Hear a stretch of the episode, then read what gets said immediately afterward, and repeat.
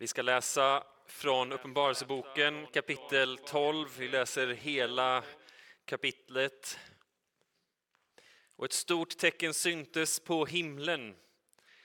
En kvinna klädd i solen och med månen under sina fötter och en krans av tolv stjärnor på sitt huvud.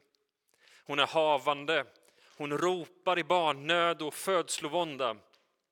Och ett annat tecken syntes på himlen och se en stor eldröd drake med sju huvuden och tio horn och med sju kronor på sina huvuden. Hans stjärt svepte med sig en tredjedel av stjärnorna på himlen och slungade dem ner på jorden. Och draken stod framför kvinnan som skulle föda för att sluka hennes barn när hon födde det. Och hon födde sitt barn, en son som ska valla alla folk med en stav av järn. Hennes barn rycktes upp till Gud och hans tron och kvinnan flydde ut i öknen där Gud har berett henne en tillflykt så att hon ska bli livnärd i 1260 dagar. Och det blev en strid i himlen. Mikael och hans ärkeänglar gav sig i strid med draken och draken och hans änglar stred, men han övermannades och det fanns inte mer någon plats för dem i himlen. Och han, den stora draken, ormen från urtiden, han som kallas djävul och Satan, han som förför hela världen, han störtades ner på jorden och hans änglar störtades ner med honom. Och jag hörde en stark röst i himlen säga, nu finns frälsningen och kraften och riket hos vår Gud och makten hos hans mode. Ty våra bröders anklagare har störtats ner, han som anklagade dem inför vår Gud både dag och natt. De har besegrat honom genom Lammets blod och genom sitt vittnesbörds ord. De älskade inte sitt liv mer än att de kunde gå i döden. Jubla därför ni himlar och ni som bor i dem, men ve över jorden och havet. Djävulen har stigit ner till er och hans raseri är stort, ty han vet att hans tid är kort. Och när draken såg att han hade störtats ner på jorden började han förfölja kvinnan som hade fött sin son och den stora örnens båda vingar gavs åt kvinnan så att hon kunde flyga ut i öknen till den plats där hon blev livnärd en tid, två tider och en halv tid, långt bortom ormen. Och ormen sprutade vatten ur sin mun efter kvinnan som en flod för att strömmen skulle föra bort henne. Men jorden hjälpte kvinnan och öppnade sin mun och svalde floden som draken sprutade ur sin mun. Och draken rasade mot kvinnan och gick bort för att strida mot hennes andra barn, de som håller Guds bud och har Jesu vittnesbörd. Och han ställde sig på havsstranden. Herre, vi tackar dig för ditt ord. Vi ber dig att det ska få bli tydligt och att det idag ska ge oss liv. I ditt namn, Amen. Varsågod och sitt.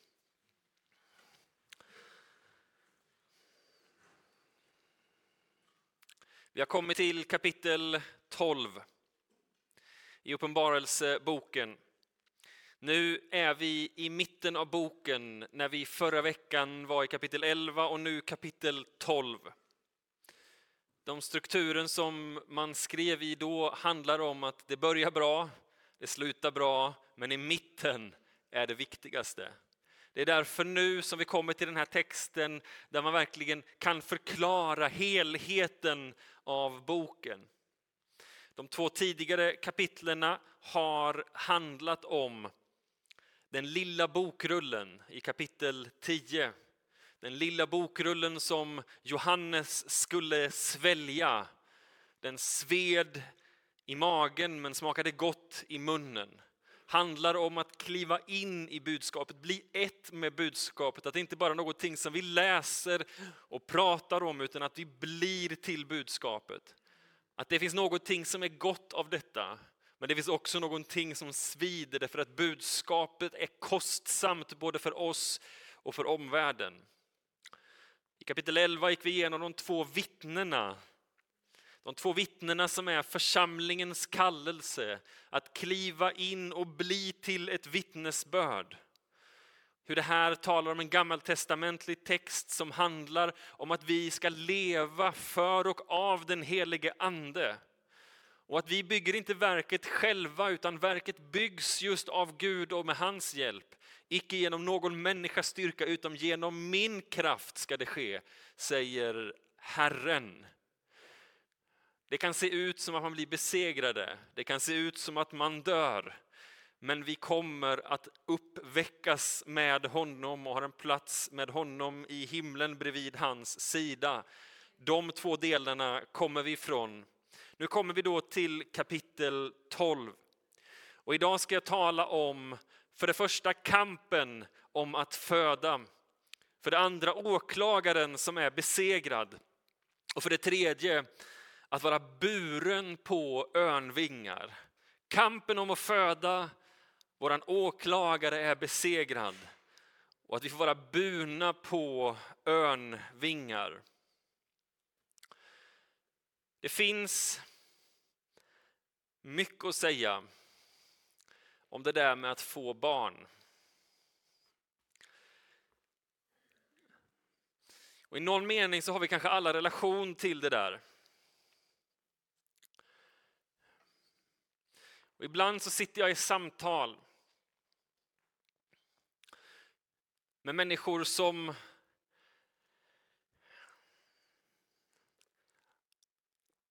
brottas med det här.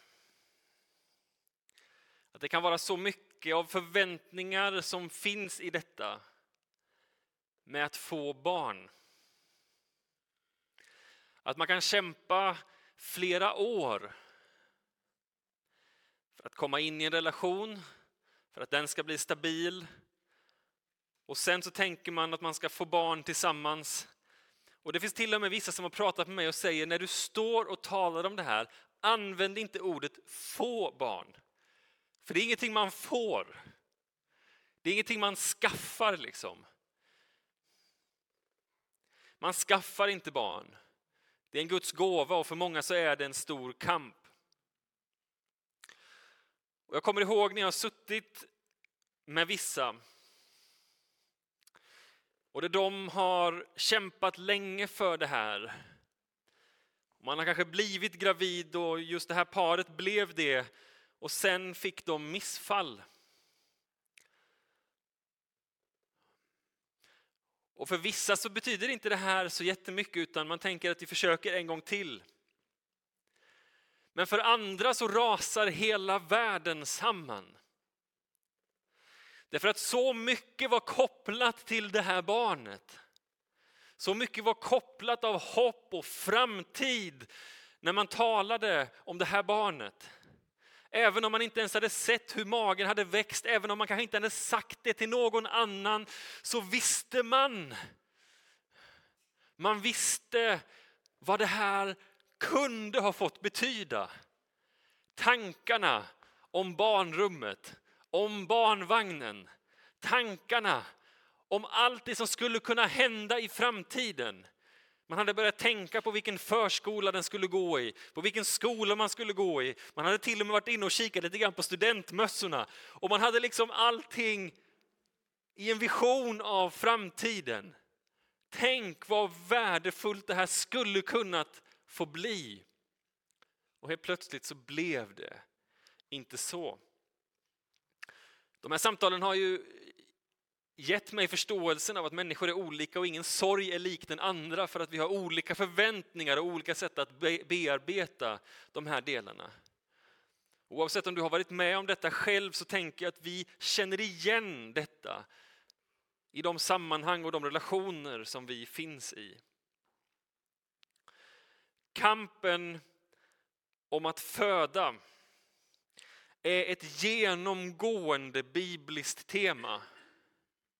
Det är någonting som går som en röd tråd i hela gamla testamentet, även in i det nya. Det är som att varenda kvinna som är liksom av större vikt brottas med den här delen på ett eller annat sätt så är det som att mirakel från Gud måste till. Vi har Abraham och vi har löftessonen Isak som aldrig vill födas. Sara blir äldre och äldre och tiden går. Men löftessonen kommer aldrig och de pressar liksom fram Ismael. Därför de inser att detta går inte. Men genom ett löfte från Gud så kommer Isak genom Sara. Och Abraham får byta, Abraham får byta namn till Abraham som betyder en far till många folk. Så kommer nästa generation. Men det visar att även Rebecka har svårt att föda. Även Isaks hustru måste få ett löfte från Gud, måste kämpa sig igenom detta.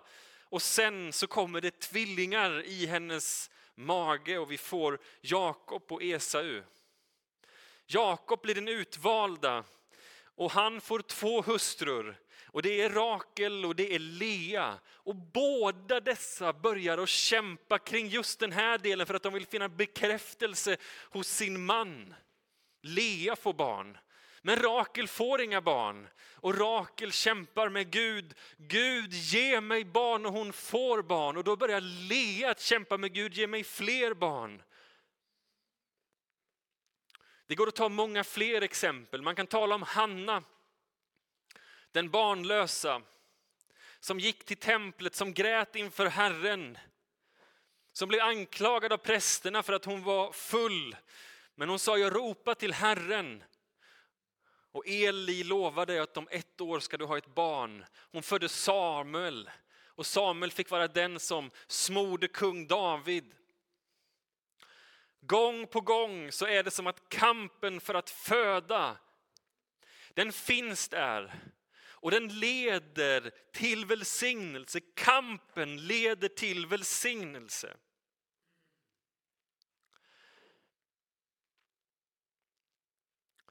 I första Mosebok kapitel 3 och 15 så finns en av de texterna som är tydligt kopplade till Uppenbarelsebokens text. Det här är direkt efter människans fall. Precis när människan har fallit så kommer Gud och talar till Adam och Eva. Men först säger han till ormen. Då sa Herren Gud till ormen, du som gjort detta, förbannad ska du vara. Utstött från boskapen och de vilda djuren, på din buk ska du kräla och jord ska du äta så länge du lever. Jag ska väcka fiendskap mellan dig och kvinnan, mellan din avkomma och hennes.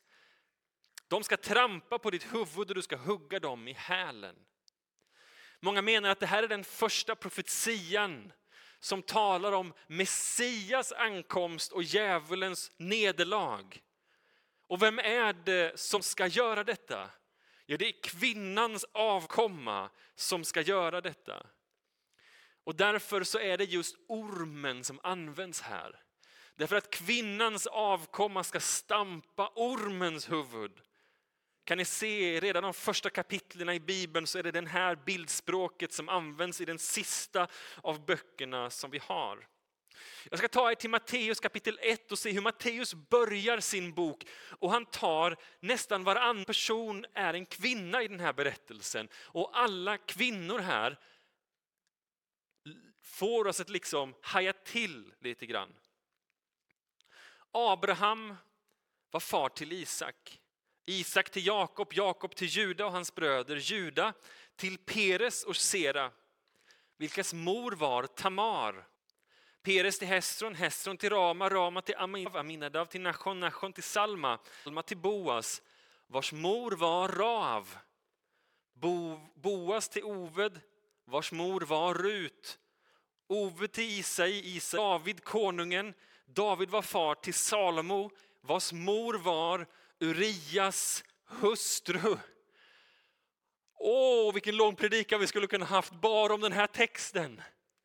Men du som kan din bibliska berättelse vet att varenda en av de här kvinnorna har en lång berättelse att berätta, en egen förkunnelse. Och Matteus väljer att lyfta upp det här för att säga att Gud använder kvinnorna och han använder de mest oväntade av kvinnorna.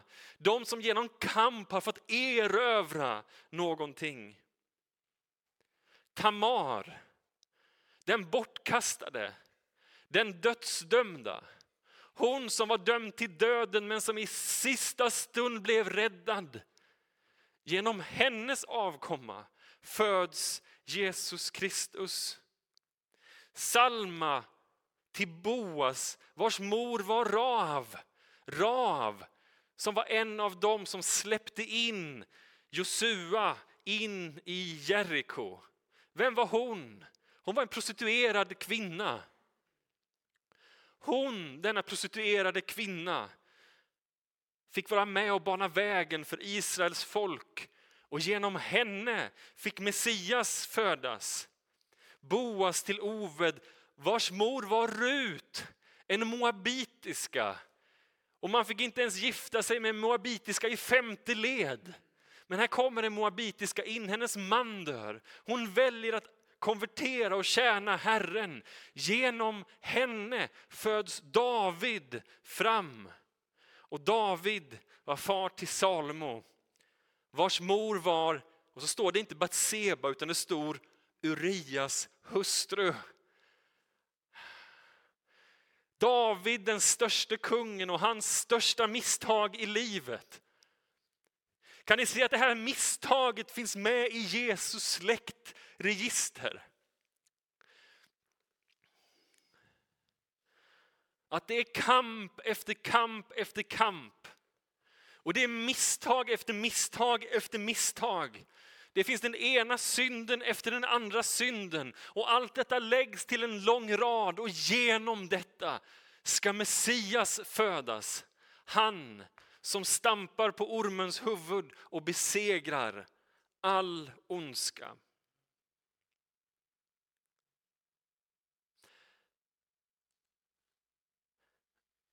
Det här är en rad kvinnor. Och det handlar om bokstavligt födande. Men jag vågar säga att här så används detta födandet också bildligt. Att det finns någonting i oss var och en, vare sig vi är kvinnor eller män. Där vi är kallade att föda fram någonting. Det är som att det finns en kallelse nedlagd i oss var och en. Som att Gud har brännmärkt oss med ett sigill och sagt detta är du. Det här är någonting som du har fått. En kallelse från Gud på ditt och mitt liv. Låt det växa inom dig. Sök Herren för detta. Låt det vara någonting som föds fram ur dig. Ta vara på denna säd och låt det få bli till ditt öde. I Hebreerbrevets elfte kapitel så har vi en text som handlar om trons kapitel. Och där handlar den om den säd som fanns i Guds folk. Genom tron föll Jerikos murar sedan man hade gått runt om sju dagar. Genom tron undgick Ra, skökan Rahav att dödas, där kommer hon igen. Tillsammans med dem som vägrade tro, ty hon hade tagit emot spejarna som vänner. Behöver jag säga mer? Tiden räcker inte till. För jag ska kunna berätta om Gideon, Barak, Simson, Jefta, David, Samuel och om profeterna. Genom sin tro kunde de besegra kungariken, utöva rättfärdighet, få löftena uppfyllda. De kunde täppa igen lejonens gap, släcka rasande eld, undkomma svärdets ägg. De var svaga, men de blev starka. De fick kraft i striden och de jagade främmande herrar på flykt. Kvinnor fick sina döda tillbaka, uppståndna.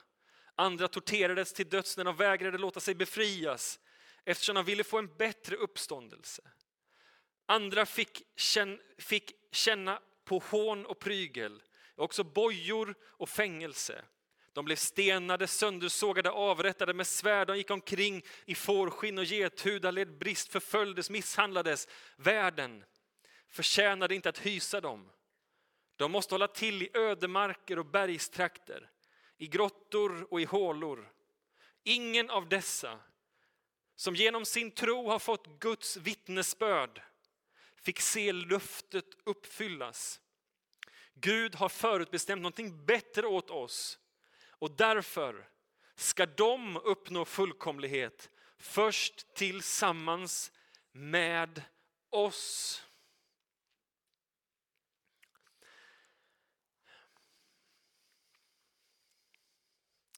Den här texten talar om att vi står i en lång linje. Den här texten nämner en rad olika människor som har fått någonting på sitt liv, en kallelse. Någonting som vi bär med oss och som vi måste förvalta. Direkt så handlar den här texten självklart om Maria. Det är Maria som förde fram Jesus Kristus. Men det handlar egentligen inte bara om henne som fysisk person, utan det handlar om att hon här representerar bruden. Bruden är jungfrun, jungfrun är bruden. Och i det så är vi kallade in i Marias kallelse. Vi är kallade till att bli kvinnan som föder fram Kristus där vi är. Hon var havande med Kristus. Hon lät Kristus bo i sig själv. Den här texten säger att det inte bara hon som har gjort det, utan hela församlingen bär denna kallelse att föda fram Kristus, precis som det står i Fesebrevet 3 och 17. 3 och 12. Hämta nu styrka hos Herren av hans oerhörda kraft. Nu ska vi se, nej, där ska vi se. Det var 3 och 14 och så framåt. Därför vill jag falla på knä för Fadern, efter vilken allt vad Fader heter i himlen och på jorden har sitt namn. Måtte han i sin härlighetsrikedom ge kraft och styrka åt er inre människa genom sin ande, så att Kristus genom tron kan bo i era hjärtan med kärlek. Stå fasta och var ständigt rotade i honom, så att ni tillsammans med alla heliga kan fatta bredden, längden, höjden och djupet och lära känna Kristi kärlek som är väldigare än all kunskap tills ni förstår hela Guds fullhet som får uppfylla er. Vi ska låta Kristus växa i oss. Och här kommer vi till vad den här texten vill säga oss idag. Det finns en historisk innebörd. Och Det handlar om att Israel och de trogna har fött fram Messias. Det finns en tilltal som handlar om ett vi idag. Församlingen är kallade till att idag bära Kristus och föda fram honom vart vi än går. Och det finns en kallelse till dig och mig. Att Gud har lagt en unik kallelse i dig. Där du på den plats du finns kan få föda fram Kristus. Låt det få vara det viktigaste i ditt liv. Lägg inte det åt sidan. Du är kallad till att föda fram Kristus, vart du än är. Den andra delen handlar om åklagaren som är besegrad. Här behöver inte vi gissa vem denna åklagare är.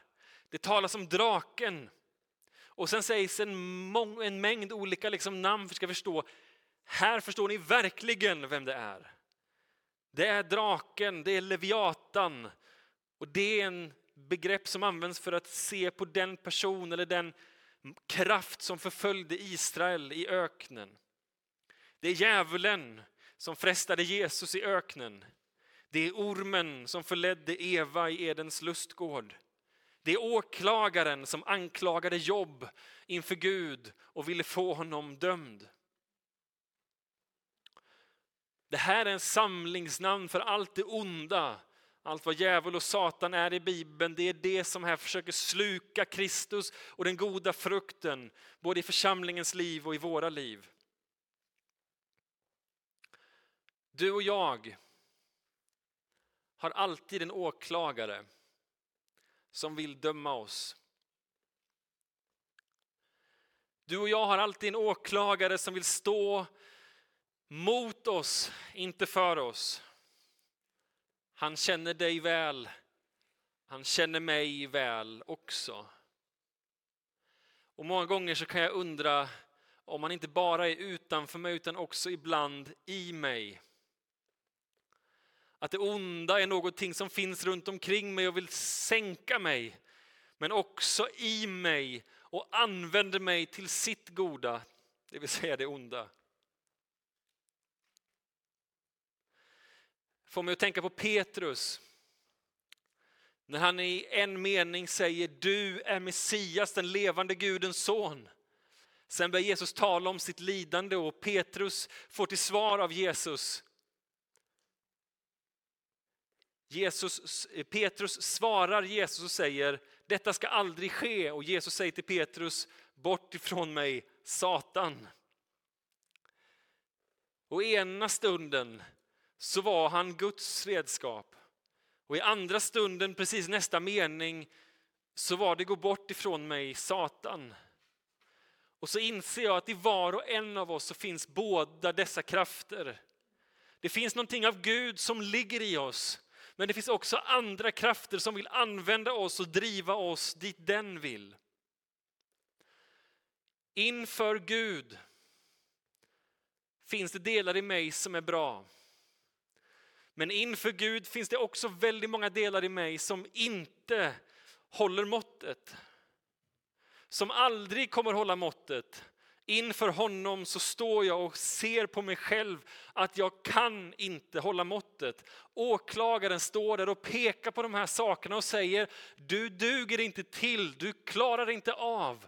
Det finns saker som jag har sett att du har gjort. Det finns saker jag vet att du har tänkt. Det finns saker som du har planerat. Det finns delar i ditt liv som inte håller måttet. Och vi vet att det inte bara är förtal, utan det är sant.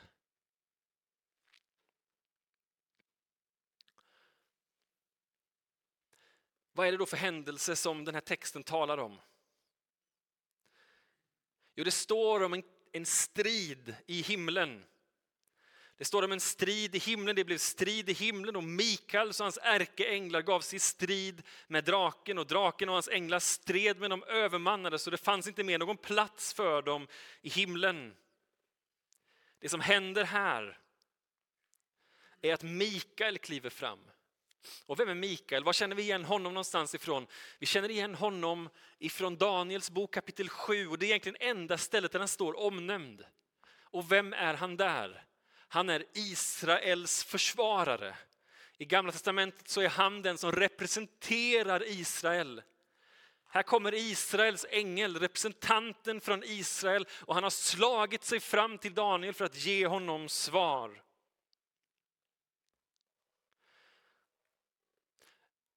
Uppenbarelseboken är en kamp hela tiden mellan det onda och det goda men perspektivet är inte från jorden utan från himlen.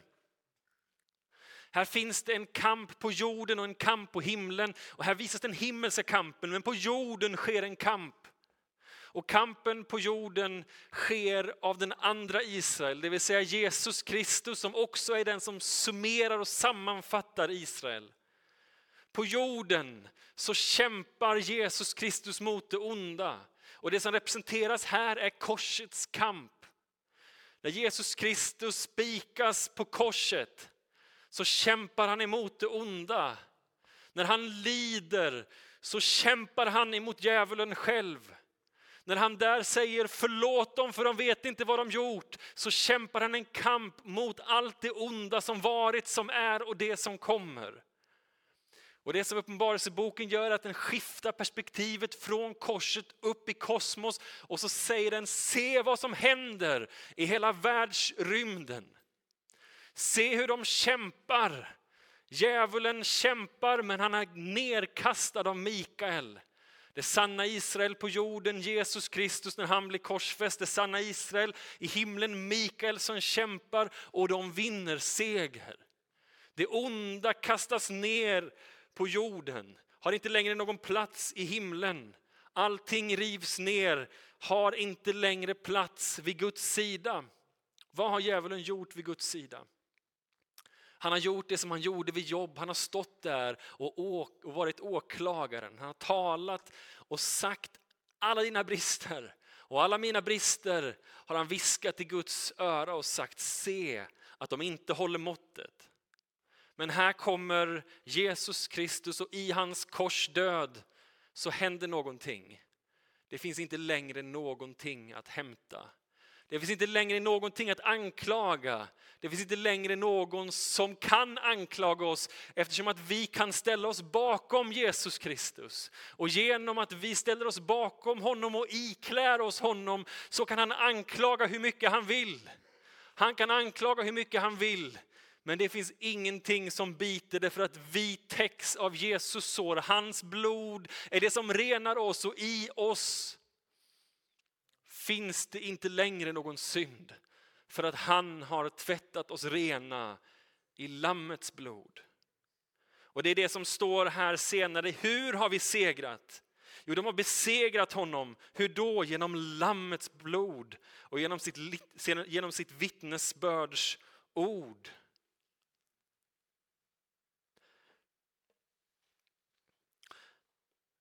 Jesu korsdöd gör oss rena. Jesu korsdöd tvättar oss rena och vi kan stå inför honom och vara befriade från all synd. Kampen. Är jag värdig? Nej. Men Jesus Kristus är värdig. Och därför som Johannes skriver i första Johannes brev kan jag stå frikänd på domens dag. Innan vi går vidare till den sista punkten vill jag bara en liten sticka in en grej. Och det är, det som Uppenbarelseboken gör är att den lär oss se världen ur ett andligt perspektiv. Och visst är det så att vi många gånger kan förandliga mycket saker. Och jag tror att vi träffar på det lite nu och då. Att vi ser någonting som sker och vi tänker direkt att det här är något andligt. Någonting har hänt och vi tänker, det skedde för att det skulle ske. Och så tänker jag, nej, det skedde för att du hade dålig planering, tänker jag. Eller det skedde för att du inte hade liksom förberett dig bra. Så, nej, det som sker, det sker liksom för att det alltid finns en tanke i det där. Det blir liksom predestinerat, fatalistiskt, att allting sker för att det sker. Jag tror, nej, så är det inte. Ibland sker saker av andra omständigheter. Allt går därmed inte att klä i andliga termer.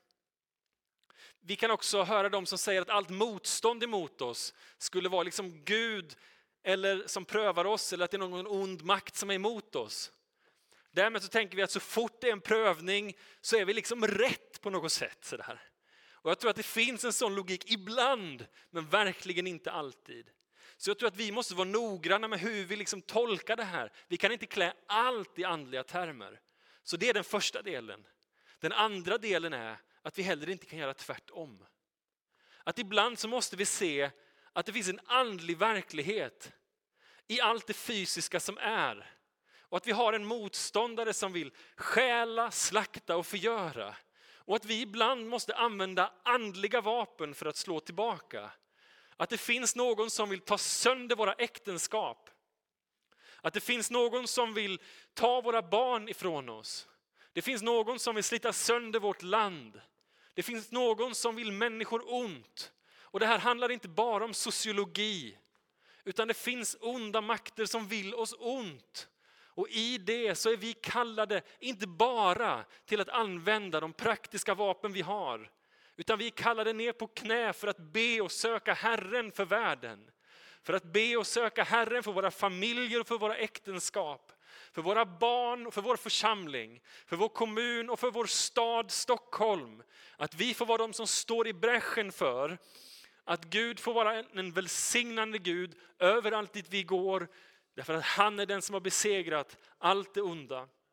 Vi ska inte vara överandliga, men vi ska inse att det finns något som är gott och något som är ont och att vi har fått makten över det i Jesu Kristi namn och i hans blod. Den tredje delen handlar om att när han är besegrad, djävulen och ormen, så står det att han ger sig på kvinnan och kvinnans barn. Och så står det att hon är buren på örnvingar ut i ödemarken. Buren ut i ödemarken.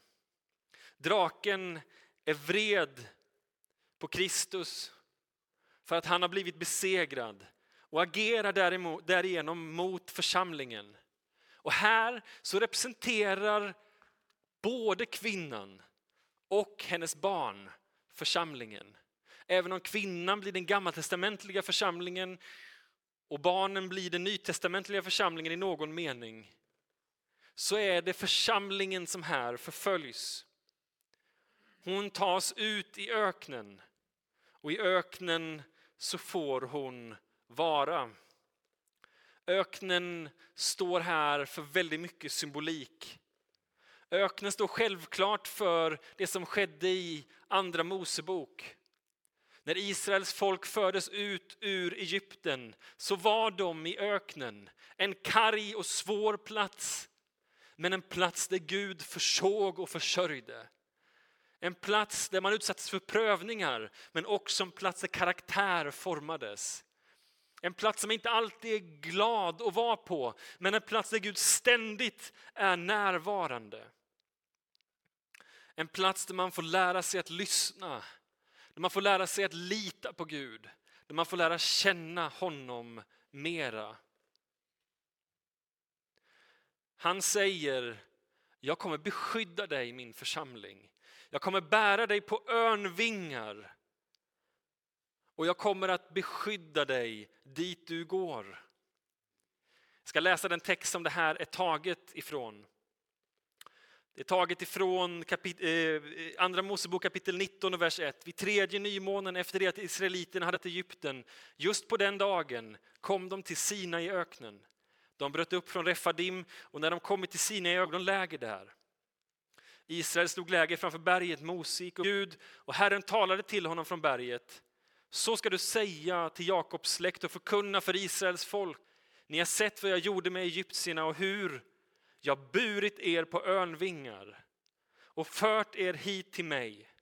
Om ni nu lyssnar till mig och håller mitt förbund ska ni vara mina dyra egendomar framför alla andra folk. Till hela jorden är min.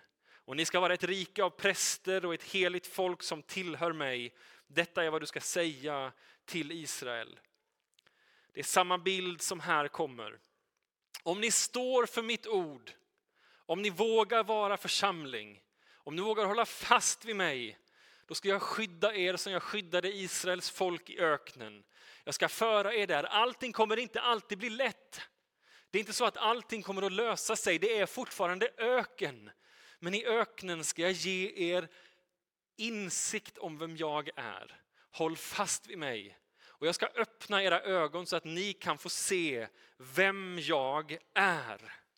Jag ska öppna era ögon så att ni kan se vem jag är. Här har vi tre stycken delar.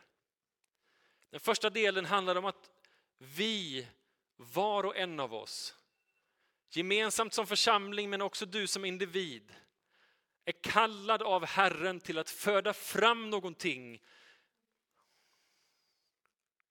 Att den kallelsen som du har fått kommer motarbetas på många sätt.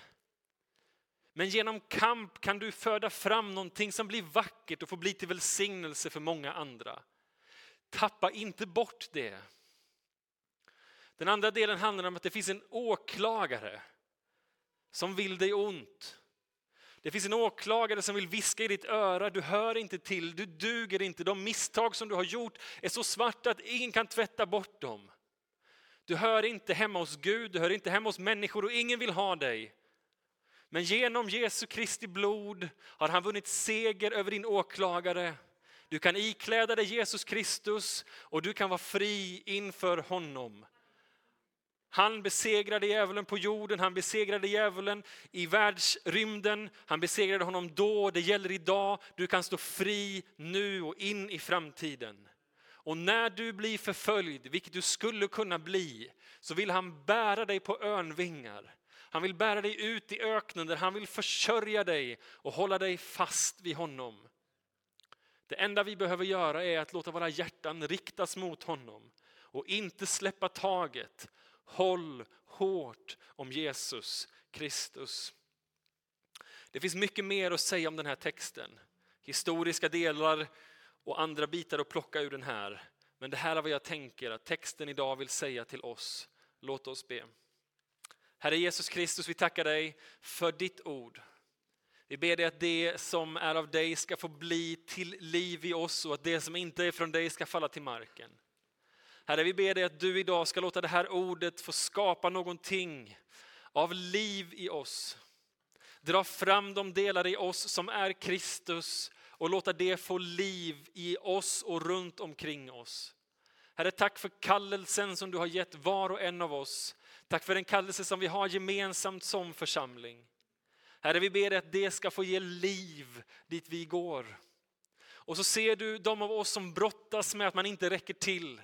De av oss som brottas med att man inte hör till dig. De som känner att även om någon säger att jag duger så kan jag inte tro på det. Att de ska få inse att alla deras synder är tvättade i Lammets blod och inför dig kan de stå fria. Åklagaren är kastad till marken. Det finns ingen som kan säga någonting om någon längre eftersom att man kan kalla på dig, på ditt blod och ditt kraft och bli tvättad rena genom dig. Herre Jesus, i kampen som vi har, i allt det som vi står i, Herre, då ser vi att du vill bära oss på dina örnvingar som du bar Israels folk. Vi kallar på dig och vi ber dig, hjälp oss, stå vid vår sida och använd oss dit vi är. Låt vi, både som personer och som församling, bli till välsignelse och ta del av dig. I ditt namn. Amen.